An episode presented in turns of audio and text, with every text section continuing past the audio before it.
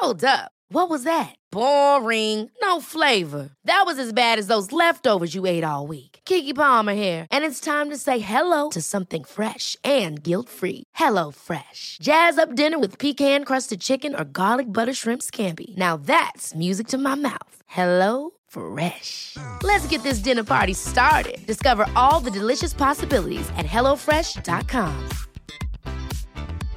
Hey, I'm Ryan Reynolds. At Mint Mobile, we like to do the opposite of what Big Wireless does. They charge you a lot, we charge you a little. So naturally, when they announced they'd be raising their prices due to inflation, we decided to deflate our prices due to not hating you. That's right. We're cutting the price of Mint Unlimited from $30 a month to just $15 a month. Give it a try at mintmobile.com slash switch. $45 upfront for three months plus taxes and fees. Promo for new customers for limited time. Unlimited more than 40 gigabytes per month. Slows. Full terms at mintmobile.com. Quality sleep is essential. That's why the Sleep Number Smart Bed is designed for your ever evolving sleep needs. Need a bed that's firmer or softer on either side? Helps you sleep at a comfortable temperature? Sleep Number Smart Beds let you individualize your comfort so you sleep better together. JD Power ranks Sleep Number number 1 in customer satisfaction with mattresses purchased in-store. And now, save 50% on the Sleep Number limited edition Smart Bed for a limited time. For JD Power 2023 award information, visit jdpower.com/awards. Only at a Sleep Number store or sleepnumber.com.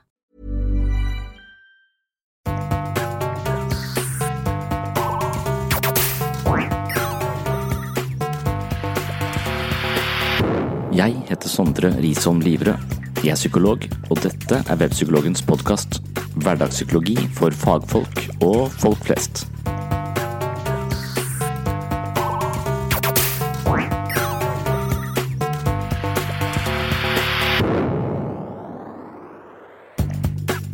Til episode 29. Den 5. mai 2017 tok jeg turen til en bydel utenfor Kristiansand som heter Vågsbygd. Jeg var invitert til en samtale om selvet. Nærmere bestemt skulle vi snakke om å leve med seg selv. Det var Siri Mette Eikås som ledet samtalen. Selvet er et tema jeg har grublet mye på, og noen ganger tror jeg at problemer med å leve med seg selv handler om en grunnleggende misforståelse rundt hvem vi egentlig er.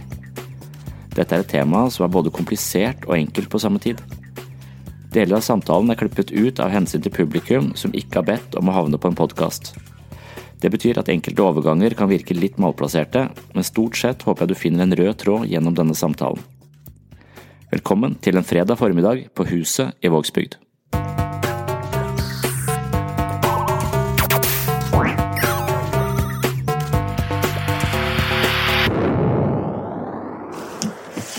Velkommen først og fremst til vår gjest, Sondre Livrød, som tar tida og kommer ut på huset til oss.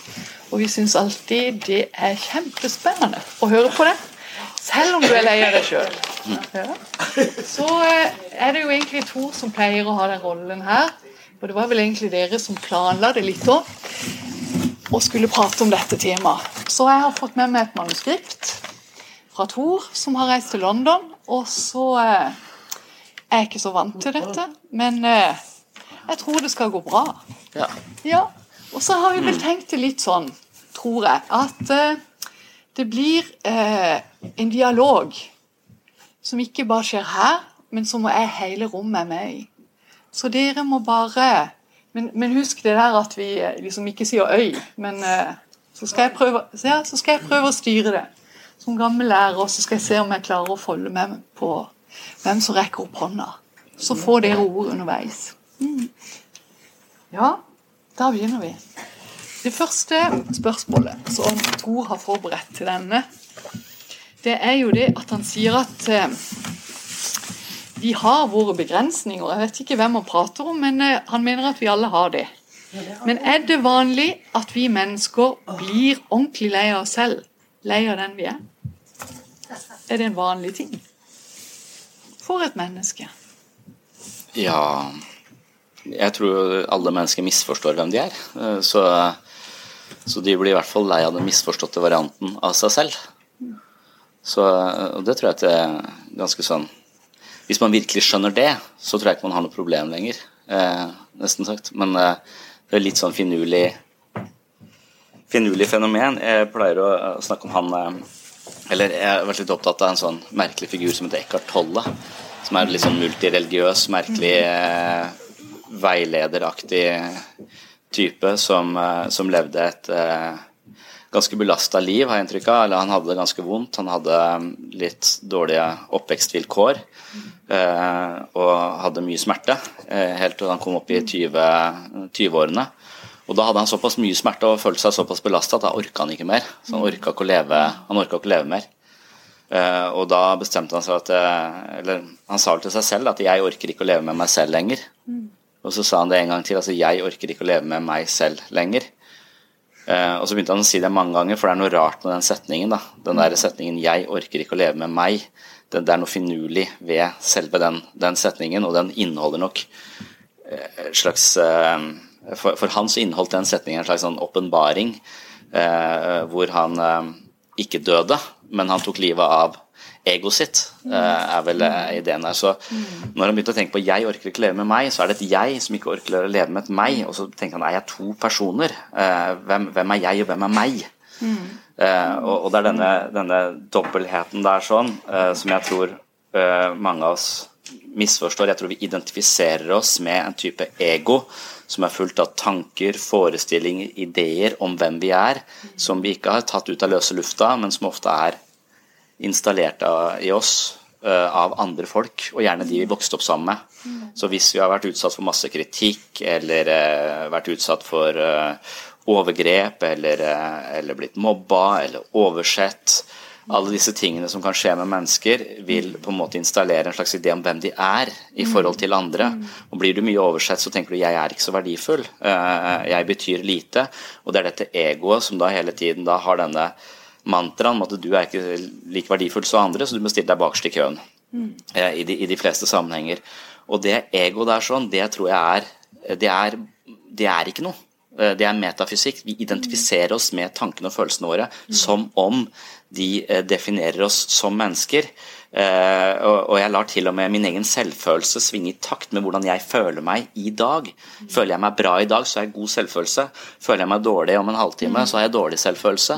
Og hvis jeg identifiserer min verdi som menneske med disse berg-og-dal-banene som foregår i mitt psykologiske liv, så er jeg jo fanget. Da blir jeg jo sjuk. Da blir jeg jo, om jeg jeg ble i hvert fall svimmel og kvalm. For det, følelsene kan gå opp og ned, og tankene går opp og ned. Så vi tror vi er tankene våre. Uh, mens Eckhart Tolle etter hvert skjønner at jeg orker ikke å leve med meg. Det jeg ikke orker å leve med, er alle mine selvdefinisjoner. Jeg orker ikke å leve med meg selv. Jeg orker ikke å leve med mitt operativsystem som fortolker meg som mindreverdig, og som er redd i alle nye situasjoner fordi erfaringene tilsier at situasjoner er farlig. Det er dette ego, denne mentale konstruksjonen, han ikke orker å leve med, og så tenker han det er den jeg må drepe. Og det å ta livet sitt et selvmord hvor du tar livet av kroppen din, så tar du livet av både jeg og meg. Det er et misforstått selvmord. Men det selvmordet som tar livet av et destruktivt ego, det er jeg for. Jeg heier på et mentalt selvmord som tar livet av et destruktivt eh, ego. Uh, og, og, og, sånn sett, når jeg skulle ha når jeg skulle komme hit, så spurte Jeg husker ikke hva Thor spurte om, men han spurte om jeg kunne snakke om eh, Eller det, jeg har egentlig glemt hva han sa, men sa at jeg, Nei, det gidder jeg ikke uh, mer. Jeg er, drit, jeg er dritlei av det, egentlig. Uh, for jeg er lei av, uh, lei av meg selv. Uh, og det er jeg fra tid til annen. Jeg er, lei, jeg er, lei, av meg selv, og den delen av meg selv jeg er lei av, er den som holder på nå, som skravler mye. Og, og, dette oppblåste ego på en måte hvis, hvis, du får et for stort ego Det er to, det er to fallgruver her. Den ene er at jeg føler meg udugelig og mindreverdig, eller jeg føler meg bedre enn alle andre. Mm. Hvis du føler deg bedre enn alle andre og driter i alle andre, så kan du bli president i USA. Uh, uh, men, men på, et annet, på, et eller annet, tidspunkt så, så, bør For meg så er det når jeg plutselig kanskje har litt for høye tanker om meg selv, så kommer det av og til en slags depresjon eller en slags skam eller nedtur, eller jeg får ikke til noe, eller så faller jeg ganske hardt i bakken. Uh, og, og, så, og, det er smertefullt der og da, men i ettertid så tenker jeg det er en nødvendig justering da, av mitt eget ego. Og dette egoet mitt, som har lyst på å ha den beste parkeringsplassen, og som irriterer seg over bagateller, og som gjør alt mulig teite ting, det er jeg lei av. Mm. Uh, og jeg har lyst til å bli kvitt det, men jeg er fortsatt litt uklar på hvordan. Mm. mm. jeg tenker, jeg har lest den boka, tror jeg, av han en gang. Mm. Og det jeg husker fra den, mest av alt, det var at en eller annen situasjon så sitter han i en sofa, og så er, faller verden sammen. Og så eh, flytter han på et eller annet vis i den samtalen med seg sjøl fokuset på hvor han sitter. Og den fysiske tilværelsen. Altså det at han sitter i et varmt hus, han kjenner etter at her jeg sitter nå i denne sofaen, så er det egentlig ingenting i det øyeblikket her som verken er skremmende eller fælt. Og hvorfor har jeg da all den smerten? Når det egentlig rent altså, virkelig, Hvis du går inn i virkeligheten der og da, så var det jo ikke noe. Da var alt det han hadde av lidelse, en konstruert lidelse, som han sjøl hadde skapt. Men hvordan klarer en å gjennomskue seg sjøl? Det blir mitt spørsmål til deg, da. Hvordan klarer en å tenke at en skal i det øyeblikket når du står og er irritert på parkeringsplassen som noen andre har tatt, oppdage deg sjøl som den som gjør det, og liksom Ja. snu det til å bli positivt. At ja, men den parkeringsplassen der, ja. den er jo helt glimrende for meg. Jeg husker den situasjonen med Eckhart Tolle der, at, at han kaller det, jeg tror han kaller det å frede øyeblikket. Og, og det er noe veldig eh, fantastisk ved det. Og det har jeg tenkt litt på noen ganger når jeg sitter med mennesker som har lidelse på kontoret. Altså, akkurat nå så er det jo Ja, det, her er det greit å sitte akkurat her vi er nå. Og hvis det er noen problemer her inne, så er det det fordi du har tatt de med deg inn eh, i tanken. Men kan vi frede dette, dette øyeblikket? Eh, og det var litt sånn den siste, nest siste sesongen av Skam også tok opp. Dette med bipolar lidelse, hvor de fredet fem minutter. Nå skal vi ikke tenke på alt det der, vi skal bare være her i fem minutter. Så skal vi være de neste fem minuttene og de neste fem minuttene. En måte å takle det å være, forankre seg i øye, øyeblikket på. Så, så ja. Eh, Men ja, hvordan, hvordan, gjør du, hvordan gjør du det? Hvordan, hvordan blir du, slutter du å irritere deg over de parkeringsplassene du går glipp av? Ja. Eh, det, og det tenker jeg kanskje er det som er mental styrke. Ja. Eh, og, og jeg tenker på mental styrke som noe jeg kan trene opp, akkurat som jeg kan trene opp kroppen min. Og når jeg trener opp kroppen min, så går det ufattelig langsomt. Eh, og det er ganske tidkrevende, og tidvis også smertefullt. Så jeg gjør det bare i en sånn begrensa grad, og jeg gjør det bare for å ikke dø for tidlig. Eh, men, eh, men jeg Jeg er klar over at når jeg går inn i et treningsstudio, så vil ikke det skje mirakler her inne akkurat nå, men jeg vil langsomt bli sterkere i musklene mine, sånn at det blir litt lettere å bære tunge kasser neste gang jeg skal flytte.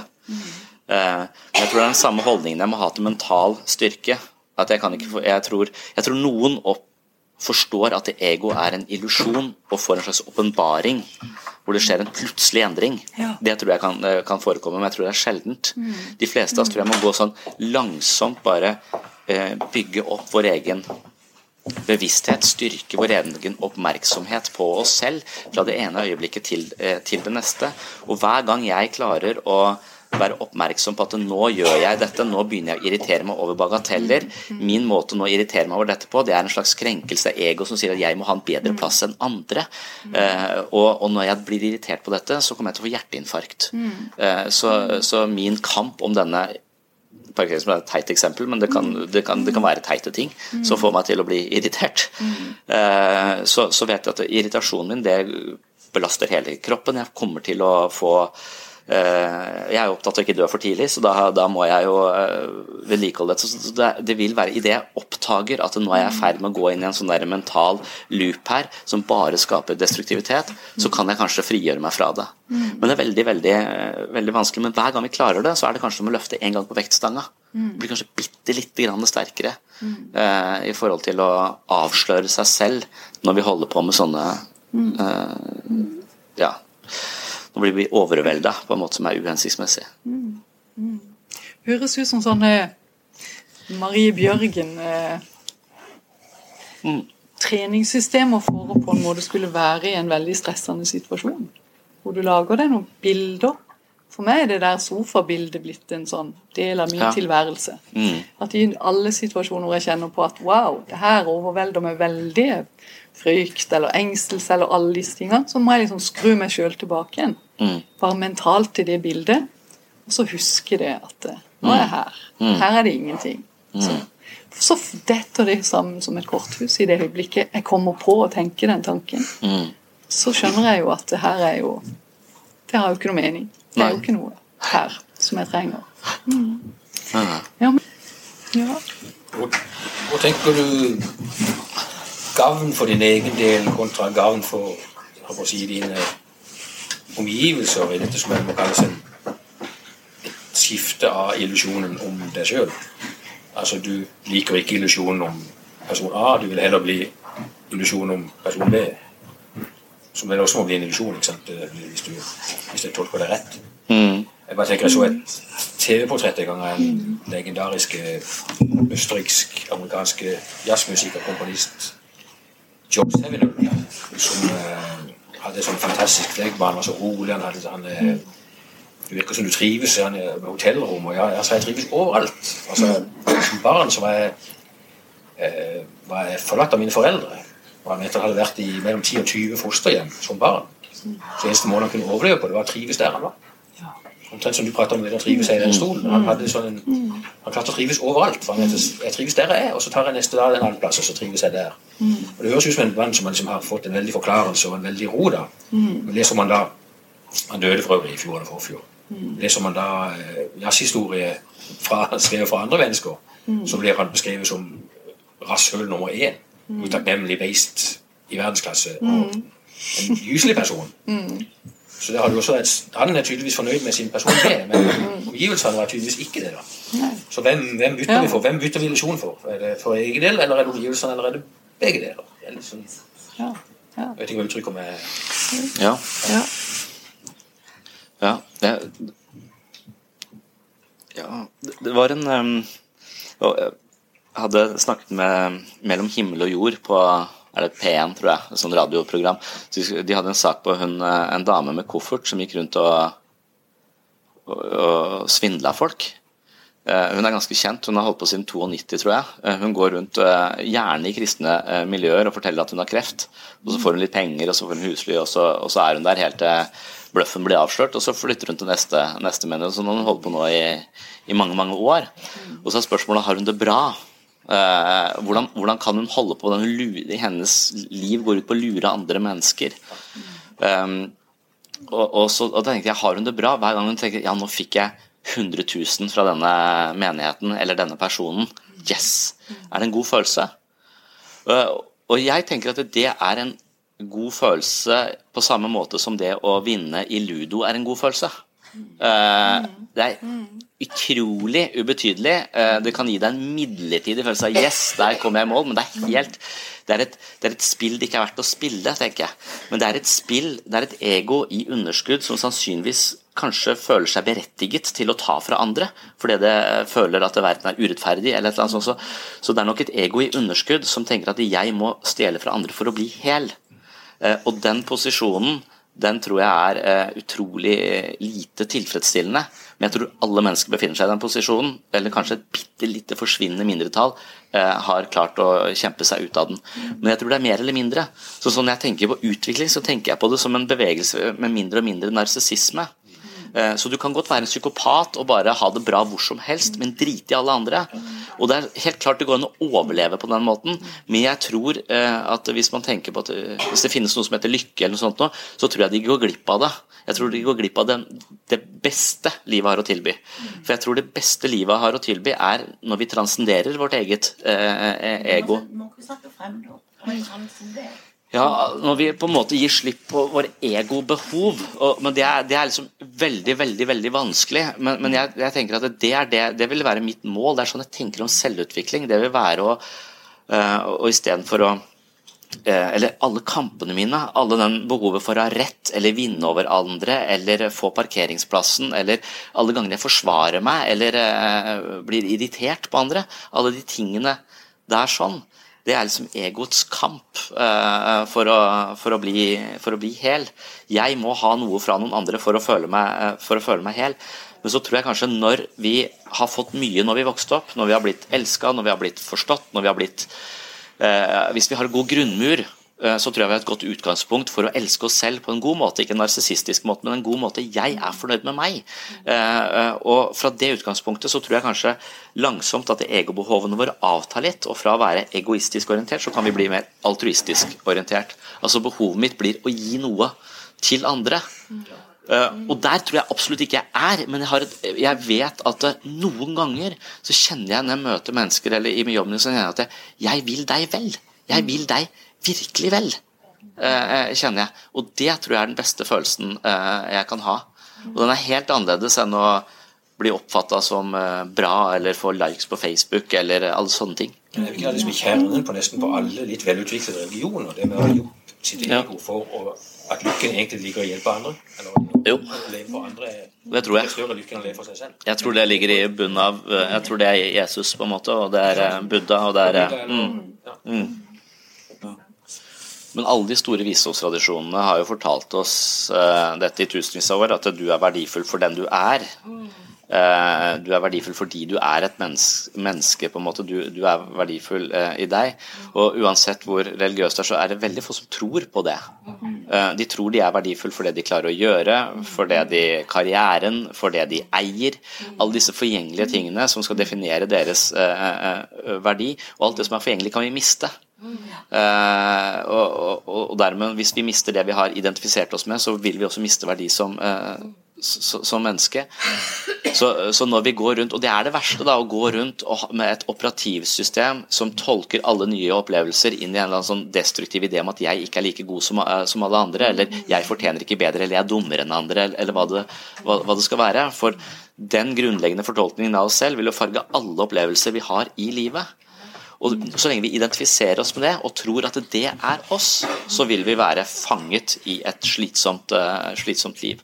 Og da er spørsmålet går det an å på en måte bare med, For vi kan forstå det at det, de ideene det er sånn Det er veldig få mennesker som er født mislykka. Uh, uh, men de har blitt fortalt at de er det, og de begynner å oppføre seg som om de er det, for å, for å bekrefte sin egen hypotese. og sånn sett så kan de jo rent fysisk sett være mislykka. Eh, og de kan få, eh, være dårlige på mange ting fordi de mangler mengdetrening i å kjøre bil eller hva det er de ikke tør eller tror de kan klare. Så vil de jo være dårligere enn andre mennesker, men ikke fordi at de, det er noe grunnleggende galt med dem, men fordi de har en idé om at det er det. Men det blir jo en sannhet for deg hvis du har blitt mata med det et helt liv. Ja. Du egentlig mm. betyr ingenting hvis du har fysisk ja. hele veien. Ja. Så blir det en sannhet for deg å snu den løgntanken.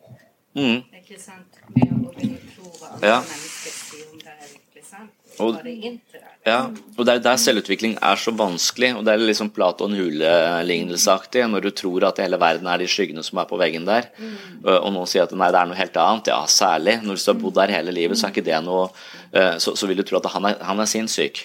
Eh, men, men idet du snur deg og ser at det er folk bak deg, eller det du går ut av hula, så, så ser du at det, der, det stemmer. Men da er, når du sitter inne i ei hule hele livet, så er sola ganske sterk på utsida hvis det er eh, fint vær. Og det vil svi ganske kraftig i øynene. og Det er vel sånn som bilde på at hvis du først skal gå og forlate dine egne selvdefinisjoner som ikke god nok, så skal det ganske mye mot til, for da plutselig så har du ingenting. Hvem er jeg nå? Er jeg vellykka?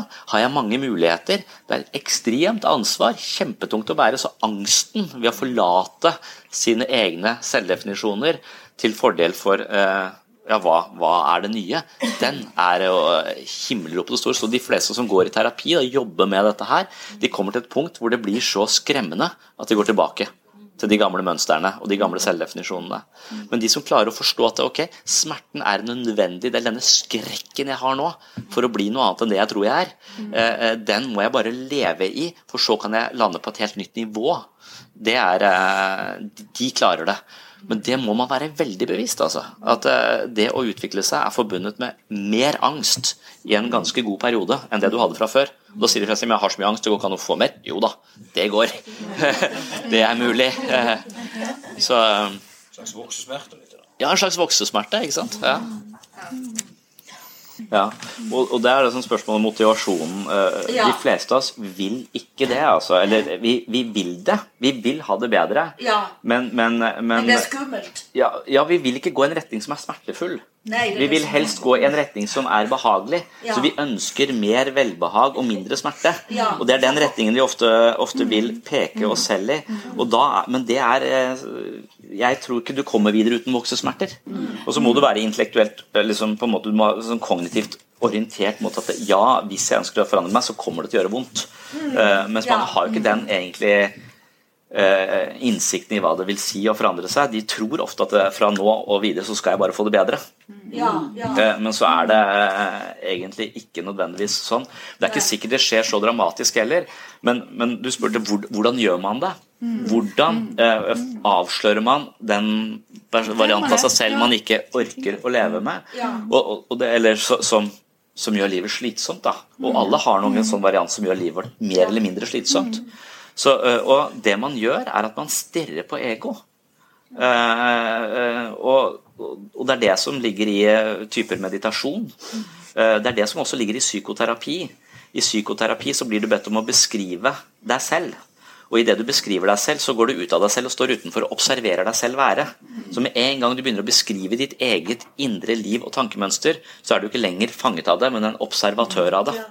Så i observatørposisjonen til seg selv, så er det mulig å, frigjøre seg. Og da er den østlige tradisjonen ikke sant? den er ikke så intellektuell, den er, handler bare om en ikke-dømmende observasjon av vårt eget indre. Og så har du vår vestlige psykologi, som er mer sånn analyse av vårt indre liv. Da har vi kognitiv terapi, som analyserer tankemønster. Vi har affektbevissthet, som analyserer følelser og hvordan følelser oppstår osv. Men alt sammen handler om å gjøre sitt eget indre liv til gjenstand for sin egen analyse. For da er vi, Og da trener vi den delen av, eh, av hjernen som ligger i panna. Vi trener prefrontal cortex. Når jeg snakker om mentale muskler, så er det rent fysisk aktiviteten som er her oppe. I denne delen av, eh, av hjernen, som da gjør oss bevisste vårt indre liv istedenfor å gå på autopilot. Men så skal, skal man også være klar, Hvis du tenker på det som trening, da, så må vi forvente at hjernen, hjernen er plastisk. Det betyr at den kan utvikle seg avhengig av hvordan vi bruker den. Og Da bør vi finne de teknikkene som trener hjernen på en konstruktiv måte. For idet vi ikke eh, trener hjernen på en konstruktiv måte, men bare går på autopilot og er flinke til å bekymre oss eller tenke negativt om oss sjøl, så vil jo den delen av hjernen bli bare sterkere og sterkere og sterkere. og sterkere. Eh, Så, så idet hjernen eh, fungerer som en fabrikk hvor den bare ansetter flere folk i den avdelingen hvor det er mye aktivitet, så, så vil vi, med mindre vi bevisst går inn for å få mer harmoni på innsiden eller avsløre ego, så vil vi bare være fanget av dette ego, og det blir bare forsterke seg i ofte destruktive retninger. Så, så det, og, jeg, og da tenker jeg at det, det å gå til en terapeut en gang i uka eller en gang hver 14. dag, eller, eller hva det skal, skal være, er nok ikke er litt som å pisse i havet, kanskje, eh, innimellom. At det, det, er, det er viktig. Eh, men hvis vi virkelig ønsker Hvis jeg skal løfte 100 kg i benk, da Jeg er sikker på jeg klarer kanskje 40. eh, så, så, så kan ikke jeg forvente at jeg, hvis jeg trener eh, en time i, i uka, så vil jeg tenke lang lang tid før jeg kommer opp på 40. Jeg må nok kanskje trene 20 minutter hver dag. Ja, det er det som er Så, eh, så, så hvis man da har en meditasjonspraksis hvor man, he, hvor man ser på sitt eget indre liv og og sitt eget mentale apparat som noe jeg må trene på lik linje med at jeg må vedlikeholde kroppen min, så, så kan vi kanskje få en litt annen kultur på det. Men vi har ikke så mange mentale treningsstudioer, eh, kanskje, men de begynner kanskje å komme. Jeg snakker om eh, egentlig begge deler. Altså, eh, hvis man tenker på den østlige tradisjonen, så vil den også eh, ha en veldig, veld, være mye brukt i forhold til smerteproblematikk. For, for det er ofte vi krangler med oss selv. Når, når smerten kommer, så prøver vi å, å avvise den eller, eller dempe den. på en måte. Vi, vi, vreng, vi, vi prøver å vende ryggen til smerten eller prøve å bite tenna sammen. Og, og da er ideen at eh, hvis du prøver å stoppe en elv eh, som renner imot deg, jo mer du prøver å stoppe den, jo, jo større blir trykket. Så, eh, så det å så observere smerten og tenke at jeg er den som observerer og ser smerten og aksepterer den fullt ut, det vil være smertelindrende. Ryan Reynolds here from Mint Mobile. With the price of just about everything going up during inflation, we thought we'd bring our prices down. So to help us, we brought in a reverse auctioneer, which is apparently a thing. Mint Mobile unlimited premium wireless. Ready to get 30, 30, bit to get 30, bit to get 20, 20, 20, bit to get 20, 20, bit to get 15, 15, 15, 15 just 15 bucks a month. So, Give it a try at mintmobile.com slash switch. $45 upfront for three months plus taxes and fees. Promo rate for new customers for limited time. Unlimited more than 40 gigabytes per month. Slows. Full terms at mintmobile.com. This is Paige, the co-host of Giggly Squad, and I want to tell you about a company that I've been loving, Olive and June. Olive and June gives you everything that you need for a salon quality manicure in one box. And if you break it down, it really comes out to $2 a manicure, which is absolutely insane. It's also so easy to get salon worthy nails at home with Olive and June. The difference between how your nails used to look when you did them yourself and now with the Manny system is a complete game changer. The best thing about Olive and June too is it's a quick dry. Dries in about one minute, lasts for five days, and full coverage in up to one to two coats. Visit oliveandjune.com slash perfectmanny20 for 20% off your first system. That's oliveandjune.com slash perfectmanny20 for 20% off your first system. Hey, it's Ryan Reynolds, and I'm here with Keith, co star of my upcoming film, If, only in theaters, May 17th. Do you want to tell people the big news? All right, I'll do it. Sign up now and you'll get unlimited for $15 a month in six months of Paramount Plus Essential Plan on us. Mintmobile.com slash switch. Upfront payment of $45 equivalent to $15 per month. Unlimited over 40 gigabytes per month. Face lower speeds. Videos at 480p. Active Mint customers by 531.24 get six months of Paramount Plus Essential Plan. Auto renews after six months. Offer ends May 31st, 2024. Separate Paramount Plus registration required. Terms and conditions apply if rated PG. Ja. Jeg, skjønner, jeg skjønner hva du mener, og, ja, øh, men så, sånn psykologisk sett så, så, så, vil jeg påstå at også øh, fysisk smerte er øh, uløselig knyttet til holdningene våre og vårt mentale apparatur. på en måte, så Måten vi tenker om smerten på, kan enten dempe den eller forsterke den. Og Det er også sånn, sånn man tenker at barn for eksempel, som ikke har språk på vanskelige følelser, de vil ofte få smerten i kroppen. Eh, så, så psykologisk smerte som ikke klarer å håndtere psykologisk, altså ved å uttrykke den eller gi den et språk og forstå den, løfte den opp fra kropp til innsikt, den, den, smerten vi ikke klarer å løfte, de følelsene vi ikke klarer å sette ord på, eh, det, det, vi, det vi vårt indre liv vi ikke klarer å forstå, men bare foregår i skyggen av vår oppmerksomhet, det kan ofte, den smerten vil komme til uttrykk på en eller annen måte. Og da er det ofte i vondt i magen eller eh, vondt i ryggen eller Barn har den eh, Små barn, før de får ordentlig språk på hva som foregår på innsiden Når jeg jobba i ABUP, så er det de barna har ofte De sier ikke at 'jeg føler meg utenfor ekskludert' eller 'jeg føler meg mobba av de andre i klassen'. De har ikke språk på den vonde følelsen de har, men de har vondt i magen. Eh, og Derfor så orker de ikke å gå på skolen, for det er vondt i magen, vondt i hodet, alle andre steder. Så, så psykosoma henger nok veldig mye tettere sammen enn vi, enn vi antar. Ja, det, det, tror jeg Jeg kan ikke så mye om medisiner, men det tror jeg absolutt at det er eh, Ja, det tror jeg er et viktig supplement. Eh, for, for hvis du er i høyspenn, så klarer du ikke noe av disse tingene. Du må finne en eller annen form for eh, ro hvor du kan begynne å kikke innover. Eh, og ikke bare være på alarm, alarmberedskap eller uro. Eller så, så, så det, det, trenger man. Og, og det der med å, med meditere eller hvile som en observatør til sitt indre liv Idet du har stirra lenge nok på egoet ditt, så kan det virke som om at du ser at alle disse kampene, alle disse ideene jeg har om meg selv, de er jo bare en eh, en mental konstruksjon. De har ingen egentlig verdi. Jeg kan endre de. Da har du kommet veldig, veldig langt, men da har du en slags høyere form for be bevissthet. Og, og, og, der er ikke jeg sånn Jeg vil si at det fins ikke noen kjemiske nøkler som kan lokke Som kan på en måte booste den innsikten der sånn. Uten at jeg vil anbefale det, men jeg tror det fins. Eh, så, som jeg tror nok det finnes planter og så videre som, som er med på det, men jeg tror det har stor risiko, eh, risiko ved seg. Ja. ja og, det, og der vil Den østlige tradisjonen vil si at det man holder på med i psykoterapi, det er bare som å ommøblere leiligheten sin. Ja. Og du ommøblerer den bare på den måten at alt det som er der, vil fortsatt være der, men du vil bare sette sofaen sånn at du ikke snubler inn hver eneste dag.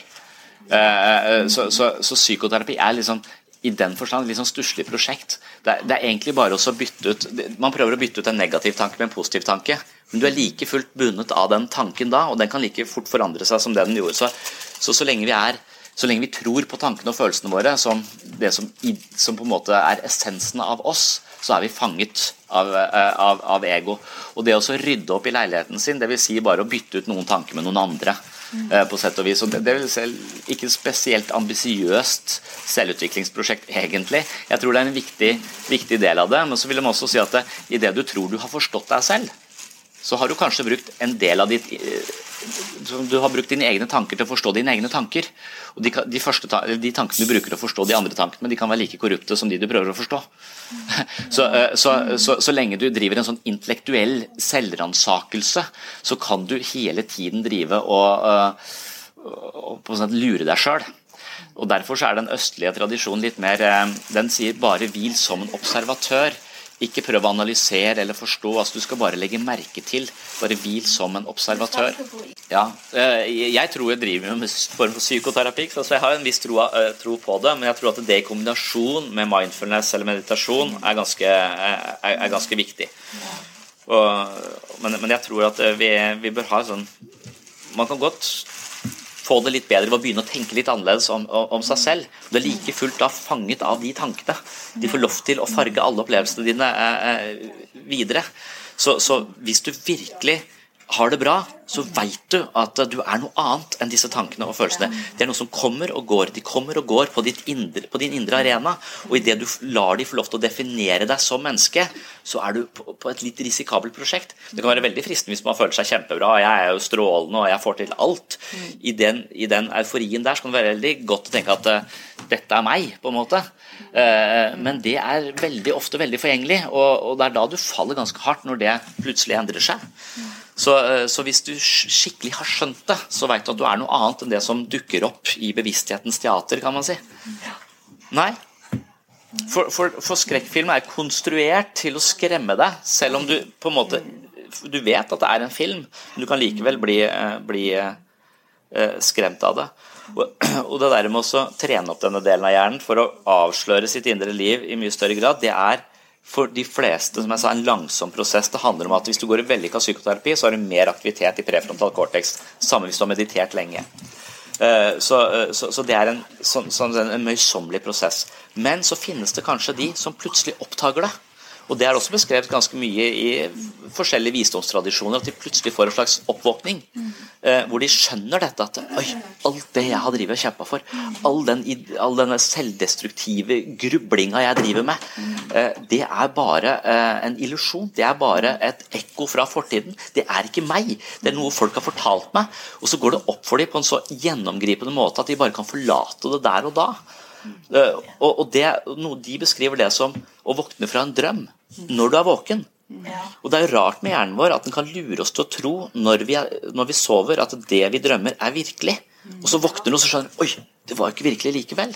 Og Sånn er det litt med mange av de tankene vi har om oss sjøl i hverdagslivet. Eh, eh, vi går rundt og tenker destruktive ting eller opphøyde ting om oss selv som er falskt. Og hvis du har for høye tanker om deg selv, så kan du bli president i USA uten å våkne. Tydeligvis. Og det er helt utrolig. Eh, og det er tragisk at ikke han våkner. Eh. Men jeg, jeg bare lurer på Jeg ser for meg det her eh, barnet som ikke har fått den der positive eh, bekreftelsen av seg sjøl. Det her barnet som ikke har fått eh, sånn, tryggheten i bunnen. Kan vi gå inn og bli våre egne foreldre ved å på en måte i voksen alder gå inn og prøve å bekrefte dette barnet. Eller godta de tingene dette barnet i oss fremdeles har mm. og sliter med, med mindfulness og de tankene der. Er det en måte å på en måte gi aksept en egentlig burde, skulle ha fått mm. tidlig i livet som en ikke fikk? Ja. Er det en del av det? Ja, det, det, det, tror jeg er en del av det. Det er en sånn psykologiklisjé, kanskje, at du skal trøste det lille barnet. Mm. Men, men, men, jeg, jeg kan være tilbøyelig til å tenke at det stemmer. Du skal trøste altså, Jeg tror heller at bevisstheten vår kommer i lag. Og vi har, en, en, vi har et barn i oss. Jeg blir fire år når jeg krangler med kona. Det er, eh, og, og, det er jo et type bevissthetsnivå som jeg, som, eh, som, som jeg ikke kan avvise, for det er i meg, men jeg kan prøve å handle minst mulig fra det. Eh, og det er vel det som er mentalt sykt, at jeg kan gi de, de mer sofistikerte bevissthetsnivåene mine mer makt, sånn at de ikke kobler inn disse mer lavere. Men jeg kan ikke fornekte den delen av meg, for det er som å fornekte min egen nyre, vil jeg tro. eller sånn, Jeg liker ikke nyra, det, det, det, er bare en del av meg. Så, så vi har disse, disse lagene. Men jeg tror at når du går i terapi som ikke funker, så er det fordi at du er så fanget av barnet. Mm. Og du ønsker at det barnet skal få trøsten fra en annen enn deg selv. Og da skaper du bare et avhengighetsforhold. Og det kan være til en terapeut, det kan være til Sobril, det kan være til eh, narkotika. Det kan være mange ting som gir dette barnet en sånn midlertidig trøst. Men så lenge du ikke er kapabel til å trøste deg selv eller integrere dette i deg selv, så er du, da er du avhengig. Eh, og de fleste av oss er jo det på et eller annet nivå avhengig av, av noe. Men hvis du virkelig skal gå inn for å, for å bli hel, så, så, må du bruke andre deler av din egen, de mer voksne, rasjonelle delene av deg selv til å trøste uh, dette barnet som ikke fikk det det, det, det skulle.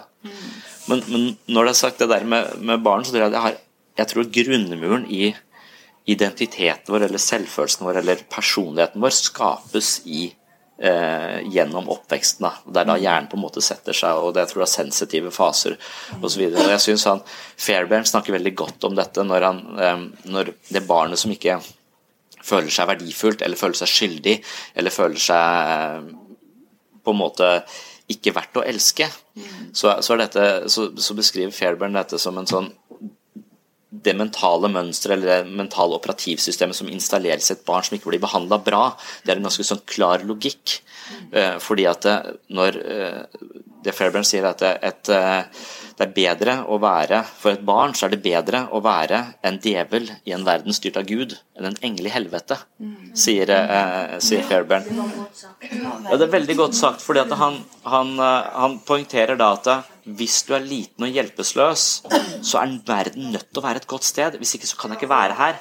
Og hvis verden er slem, så må det være fordi jeg er slem. Og da er det jeg som eier problemet. Så jeg eh, er en dårlig person, jeg er uh, slem, derfor så oppfører foreldrene mine seg sånn mot meg.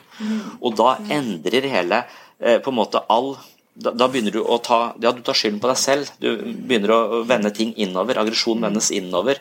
Og du, du, blir eh, Du får denne ideen om at du ikke er like god som andre. Så jeg møter jo stadig vekk mennesker som føler skyldfølelse for overgrep og dritt som har skjedd de når de var barn. Men de har likevel en diffus skyldfølelse knyttet til dette. Fordi det var helt nødvendig å tenke at det var meg som var roten til problemet når de var så små. Og det blir da kanskje et mantra gjennom livet at det er meg det er noe galt med, ikke, eh, ikke de andre. Så de stygge tingene vi kan gjøre mot, uh, mot mennesker, det blir deres egen fiende. på en måte. Det, det driten vi kan gjøre mot barn, det kommer til å installeres i dem som en drit de bruker mot seg selv, og tenker at det er dems feil. Så det, blir, det er utrolig urettferdig dynamikk, men det er, det er, et forsvar du er nødt til å ha. For du kan ikke være i, i, i et helvete uh, hjelpeløs. Da er det mye bedre å være i en god verden, og det er jeg som er, er ond. Så det operativsystemet det tror jeg sitter i mange, og det er det lille barnet som, uh, som ofte dukker opp i stadig nye, uh, nye situasjoner. Og idet vi tror vi er det barnet, fremdeles er det barnet, så er vi fanget av fortiden. Så blir vi fanget der i Ja. det. Ja. Mm. Mm. ja. Men et sårbart ego har hjelp av masse forsvarsmekanismer for å holde en del følelser, tanker osv. Vi aksepterer ikke oss selv sånn som vi er, på godt og vondt. I, en, i, en, eh, i meditasjon så vil, du, vil det være det er, Målet er en radikal aksept av seg selv, dvs. Si alle sider. Alle mine dårlige sider, alle mine gode sider. Og bivirkningen for meg med å meditere er at jeg av og til får sånn voldsom dødsangst jeg ikke helt vet hva jeg skal gjøre med. Altså Plutselig så melder døden seg på denne her. Skal jeg akseptere det? Meningsløshet melder seg på. Det er mange sånne ting som plutselig dukker opp som jeg helst skulle vært foruten. Kunne godt lukka den døra, eh, men, men i, målet så er det en radikal aksept uh, av alt. Men, men, de fleste ego går rundt med en masse forsvar og bruker mye mental energi på å unngå eh, sider ved seg selv eller følelser eller tanker som virker skremmende. man, man, er ikke skuespiller, men man er på sett og vis utro mot seg selv. fordi at man, man orker ikke å ta inn over seg realitetene. så Man, man, for, for, uh, man forvrenger virkeligheten fordi at den virkeligheten virker for angstprovoserende. Men det å akseptere alt sånn som det er, er jo målet på en måte, og spesielt oss selv, sånn som vi er. Men det er et typisk eksempel med, med, med, legen som, med kreftlegen som, som ikke legger merke til symptomene hos seg selv. Det er veldig mange leger som Eller i hvert fall mange vandrehistorier på dette hvor, hvor, hvor, en lege er ekspert på prostatakreft. Han vet alle symptomene, men han vet også bivirkninger ved en operasjon og med medisinering og alt sånt noe. Og alle andre rundt han ser at han begynner å ha en del av de symptomene, bortsett fra han selv. Han jobber med det hver dag, men han klarer ikke å se sine egne symptomer. Det burde han, han er ekspert på området, han burde ha sett det. Men skrekken ved at han har dette, og alt han vet om det, gjør at han orker ikke å ta det inn over seg, og så dør han av den krefttypen han er ekspert på.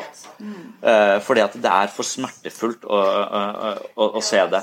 Så når egoet vårt er sårbart, når det bruker mye forsvar så vil små ting rundt oss kunne dukke opp og, aktivere noe som ikke engang som ligger i skyggen av bevisstheten vår, og er skremmende.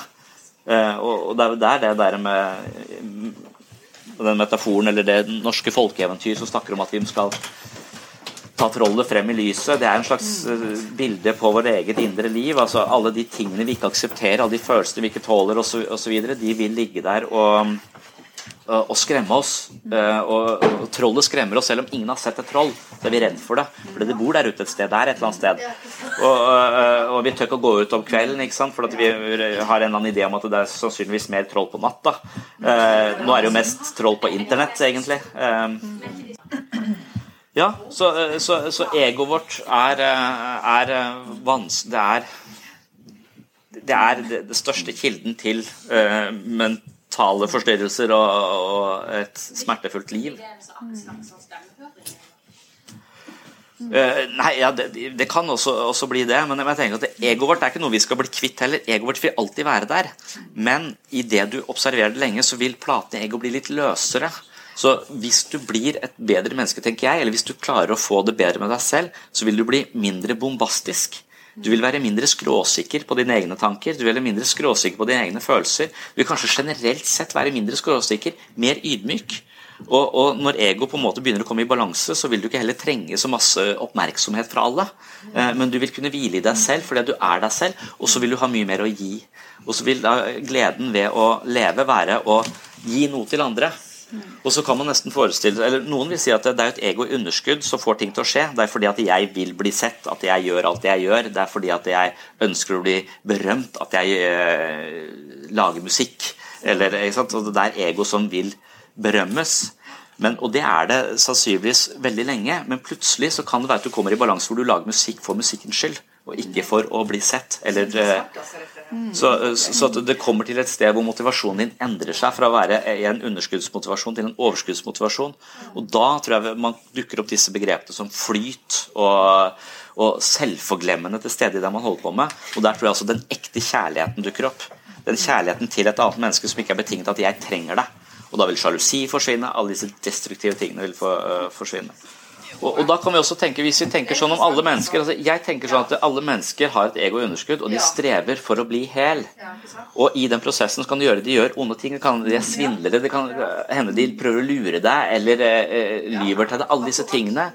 Men det å bli irritert på det da, det er å bli irritert på sårbarhet. Det er irritert på et menneske som ikke har fått nok, ikke har en god nok grunnmur, men kjemper febrilsk for å bli hel. Og om det går ut over meg, om de stjeler fra meg eller lurer meg, eller så, videre, så kan, man, kan, man, gå inn i kampen. Men man kan også på en måte tenke at det, dette er et, et, et sårbart menneske i underskudd som kanskje eh, trenger det. Sånn, mange blir irritert over at folk legger ut så mye flott på Facebook osv. Men jeg vet ikke om jeg klarer å bli så irritert på det hvis man tenker på det som en sånn febrilsk forsøk på å bli noe bedre enn det man føler at man er. Man er jo da fanget av sin egen, eh, egen mangel på, på, selvfølelse og prøver med alle mål og midler å få det bedre med seg selv. Og det er jo et naturlig og forståelig prosjekt. Ja. Jeg, jeg, sitter den, den, Sånn som vi har det her nå, sitter og og snakker om disse, uh, disse, tingene. Sånn har jeg grupper hver eneste uke vi, som jeg kaller biblioterapi. Da vi sitter og snakker med andre. Og, jeg snakker med andre i den gruppa fordi at uh, jeg sliter med akkurat det samme som de andre i den gruppa. jeg har et ego som på en eller annen måte forstyrrer meg. Jeg blir irritert på barna mine uten grunn. og idet jeg sier et eller annet som jeg vet er dumt, så er jeg oppmerksom på det, men jeg klarer ikke å la være. Eh, eh, så, eh, så jeg, er helt lik alle andre. Jeg føler, jeg føler at jeg er lik alle andre mennesker. Jeg føler, jeg føler meg stadig mer lik de.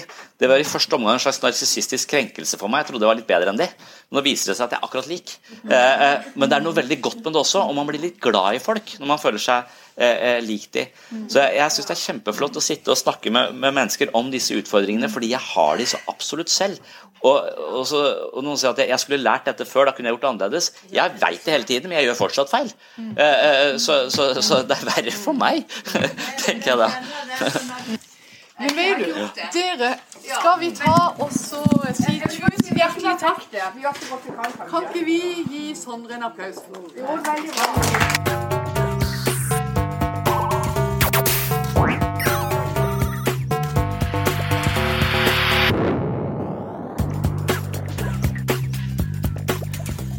For at du hører på Webpsykologens podkast. Jeg vil også benytte anledningen til å takke Huset i Vågsbygd for invitasjonen, og jeg håper å komme tilbake til huset for flere interessante diskusjoner om ikke så altfor lenge. Dersom du liker denne podkasten, hadde jeg blitt veldig glad om du tok deg tid til å anbefale den på iTunes.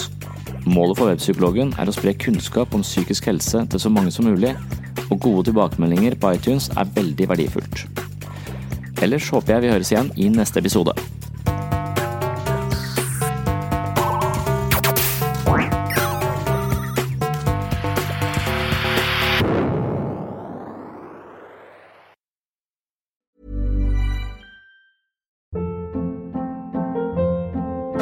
Hold up. What was that? Boring. No flavor. That was as bad as those leftovers you ate all week. Kiki Palmer here, and it's time to say hello to something fresh and guilt-free. Hello Fresh. Jazz up dinner with pecan-crusted chicken or garlic butter shrimp scampi. Now that's music to my mouth. Hello Fresh. Let's get this dinner party started. Discover all the delicious possibilities at hellofresh.com.